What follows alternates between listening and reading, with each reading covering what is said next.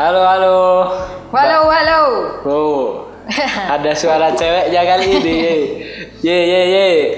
Kembali I'm lagi back, di I'm back, ya. podcast Oma Aksara. Yeah. Kembali lagi sama saya Titi. Semoga gak bosen. Titis bukan. Oke, kita hari ini eh, sudah sampai di episode 11. Mantap. Terus kita mau bahas apa? Apa ini, Mbak Titis? Ayo. Eh, Reading pura-pura nggak tahu lah. Kita mau bahas sebuah topik yang simpang siur tapi masih aja banyak yang bertanyakan. Sebenarnya bisa nggak sih sebenarnya kita itu kayak dari nulis? Wow. Nah ini Bisa nggak ya? Kayaknya eh, enak ah, ini jadi pertanyaan lagi. Enakan ngepet apa nulis gitu? Kayak itu. Oke. Nah, nanti kita jadi bahas tutorialnya, Pet. Nanti kamu jadi narasumber. Iya sih, aku udah ahli. Oke. Hubungi saya ya di nomor di bawah. saya nggak ada kayaknya. Ya, oke. Ya, gimana sih kok? Emang nulis bisa jadi kaya? Kalau menurutku sih bisa aja sih. Aku nggak nggak begitu setuju. Soalnya teman saya nulis Heeh. udah tiga tahun tapi dia itu masih aja kayak Gitu-gitu gitu aja. Oh. masih saja merenung masih saja di dalam gua nyari ide gitu Ya, aku bukan yang aku nulis juga dan aku juga belum kaya kaya amat gitu. Tapi aku yakin nulis itu bisa bikin kaya kok.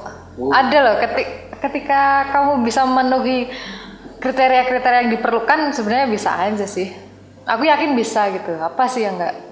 gimana ya coba coba Ya. kriterianya apa Ada ya dari, dari yang bisa kusimpulkan ya. Ya setidaknya beberapa variabel yang kalau orang punya itu gampang lah untuk menjual buku gitu. emang gampang? Ya misalnya nih teori teori. kalau meskipun aku butuh bikin diuji. buku deh Ya. emangnya gampang gitu. Iya ya Kan bisa lah. siapa yang kenal aku itu loh? Oh iya. Kan ada nih para pembaca itu eh, beli buku ya kalau dia kenal lah. Ini siapa sih sebenarnya pertanyaanmu itu menjawab uh, mem- mempunyai jawaban atas pertanyaanmu itu sendiri. Jadi tentang siapa kita nah itu juga sebuah variabel yang bisa bikin buku kita laris gitu. Faktor siapakah kita dalam masyarakat gitu. Kan beda ketika aku yang nulis nih dengan misalnya Raditya Dika yang nulis pasti kan orang lebih minatnya ke dia karena dia sudah punya follower dia adalah tokoh masyarakat pada saat ini gitu atau mungkin tokoh lain yang siapa ya Presiden Jokowi misalnya nulis tentu tentu tentu akan beda hasilnya dengan kita nih misalnya yang belum belum siapa-siapa kayak gitu jadi siapa kita itu mempengaruhi eh, popularitas buku kita juga Hmm. Terus gimana? Itu kan merangkaknya lama itu. Kan kita pengen kaya deh. Nah, Iya, itu oke. kaya-kaya gitu loh. Oh, Atau kalau tidak kalau kalau bukan kita sendiri yang mempunyai popularitas ya setidaknya kita punya link atau kenalan source yang populer juga sehingga bisa minta minta bantuan untuk endorse misalnya ya gitu. oh iya. Kayak aku punya teman itu Pak Jokowi gitu. Oh iya. Sama. Lagi gitu.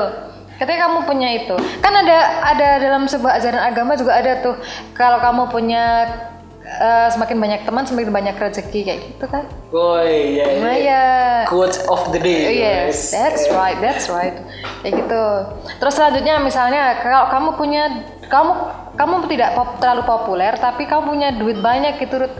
Kamu bisa pakai duitmu itu untuk promosi zaman sekarang.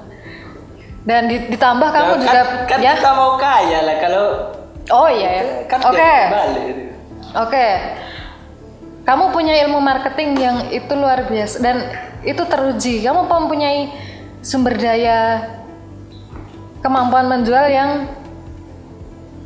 yang ter- terbukti dan ya bagus gitu loh. Ruth. Oh, berarti penulis itu harus multi talent ya kalau mau jadi kaya. Ini. Ya setidaknya kalau kita kita sendiri bukan multi talent, kita memperbanyak kenalan yang dia bisa membantu menjual. Kita dia punya tim marketing yang yang jos, yang andalan gitu.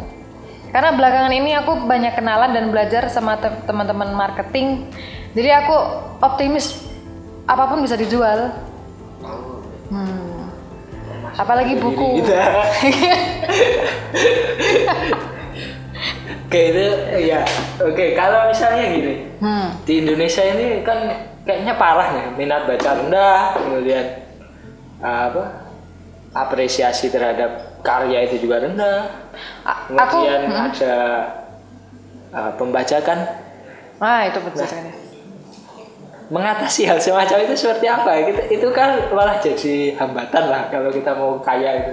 Kamu sepertinya me- mewakili ini ya Ruth ya. Bahwa menulis itu susah untuk kaya ya Ruth iya ya ya susah lah. Secara re- realitasnya gitu. Orang kita mau nulis terus tembus ke media aja susah. Se- ngomong-ngomong eh, kriteria tembus media itu apa itu kan juga beda-beda Ruth mau ke media yang mana dulu gitu. Oh iya. Hmm ya. Dan tulisan terus faktor lain ya aku sebenarnya belum selesai. Hmm. Itu adalah faktor dari internal kita. Ketika tulisan kita bagus sebenarnya kondisi sekarang itu banyak toko-toko buku atau penerbit yang mencari penulis Ruth gitu. Oh, jadi iya. peluangnya juga kurasa besar. Kemudian di era sekarang era di mana tulisan sangat dibutuhkan kerjaan-kerjaan seperti content writer gitu juga kebut apa demand masyarakat kebutuhan masyarakat juga naik juga sih. Jadi nulis bisa dari mana pun. Berarti eh, menulis itu tidak harus punya buku nih ya. ya. Ya betul. Bisa. Jadi nulis caption aja. ya ya betul itu. Jadi kita perlu memperluas ini juga yang menurut kita menulis hanya buku ternyata pada pergeseran kebutuhan industri zaman sekarang menulis itu nggak cuma buku tapi bisa konten sebuah website misalnya itu juga menulis. Oh. gitu.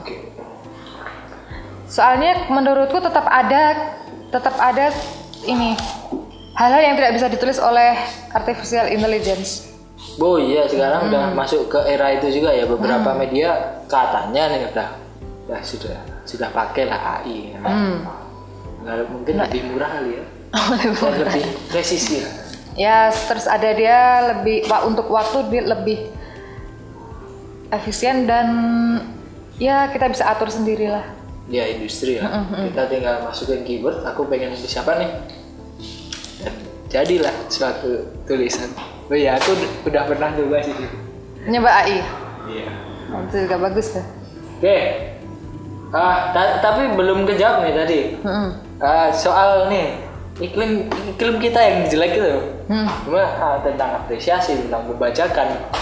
Ini gimana ini? Ini kan jadi momok gitu loh. Kita mau kaya dari mana? Aduh, ngepet aja kali ya. Ya, Atau pakai kalau dulu ada susu di atau buku itu bisa kasih susu gak sih? Iya. ya kamu sebelum menulis kamu ritual gitu. gitu. Hmm, untuk mengatasi itu kalau aku bisa menjawab itu sudah terselesaikan sejak berapa berapa tahun yang lalu. Wush. aku pas, maksudnya aku sendiri juga nggak tahu cara itu, itu terlalu masif terlalu Iya, berarti itu sistem sistemik ya. ya sangat sistemik. Mm-mm. Nah, kalau oke lah, itu kalau itu sistemik. Kan biar kaya itu juga harus yang dituntut ada produktivitas. Gimana kita harus misalnya sebulan itu membuat tiga buku, apakah bisa gitu? itu ngeri. Lah, itu- gimana? Berat itu dipengaruhi oleh variabel ku- variabel yang lain.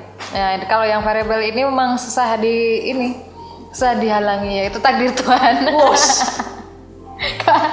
kalau tak- Tuhan sudah berkehendak, Ruth, kamu menulis satu gitu dia ditolak 30 penerbit.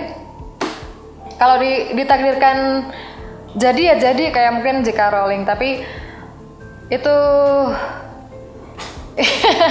itu ya itu kasuistik sangat.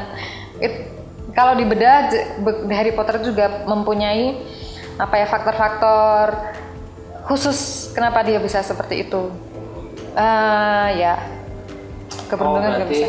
ikhtiar lah ya. Icar. Kita harus sabar juga, nunggu momentum. ya momentum lah itu kamu tahu apa? sebenarnya ketika kita nulis terus kita konsisten akan ada momentumnya itu itu coba kamu perhatikan pasti penulis-penulis besar juga kayak gitu mereka adalah orang yang konsisten dan pada akhirnya mereka ketemu momentum kayak Eka Kurniawan tuh kan di- dia konsisten nulis terus hingga akhirnya dia ketemu siapa orang luar itu Ben Anderson Iya, Sven Anderson terus mengulas cantik itu luka. Nah, booming lah cantik itu luka. kemudian rentetannya oh ini pernah nulis apa sih Pernah Nah, nulis apa? ketika orang baca cantik itu luka, oh bagus. Orang-orang pasti akan ngejar karya sebelumnya. Alurnya pasti seperti itu. Momentum itu memang takdir Tuhan, Ruth. oh yes Iya. Oke aku Hari ini aku ngomongnya bener. dulu ya ya. Iya. berarti aku dituduh radikal gitu Hmm. Jadi apakah kamu udah yakin bahwa menulis tuh bisa bikin kaya, Ruth? Kalau aku sih yakin, terlalu yakin aku Aku suka hal yang abstrak gitu, jadi optimis. menurutku yang bisa membuat kaya itu ngepet gitu Oke. Berarti kita nggak ada kesimpulan nih, Rod. Kita kita eh, terserah pembaca aja, eh pendengar aja gitu. Saya rasa pendengar juga ada, juga pak pasti punya pendapat sendiri sih, Rod. Kita mungkin bisa minta pendapat teman-teman dengan komen gitu. ya silahkan Sebenarnya kita bisa kaya nggak sih dari menulis gitu? ya nanti kalau kalau aku udah kaya dan jadi penulis Hmm? nanti aku share lah ya. Nggak siap, siap. Nah, ya aku percaya. Itu kan ketika aku percaya kan udah ada buktinya gitu. Wow. Oke, segitu aja ya. diskusi kata kali ini. eh, saya kira masih banyak materi-materi lain yang apa mungkin jadi pertanyaan-pertanyaan. Jadi kita akan kulik satu persatu pertanyaan-pertanyaan di hati anda. Eh di hati anda. Pokoknya sudah kayak anu lah apa sekian Oke. oke se- sampai jumpa Terima kasih. di apa Episode 11. 12 Oh, sampai jumpa di episode 12. Ye, dadah Dadah.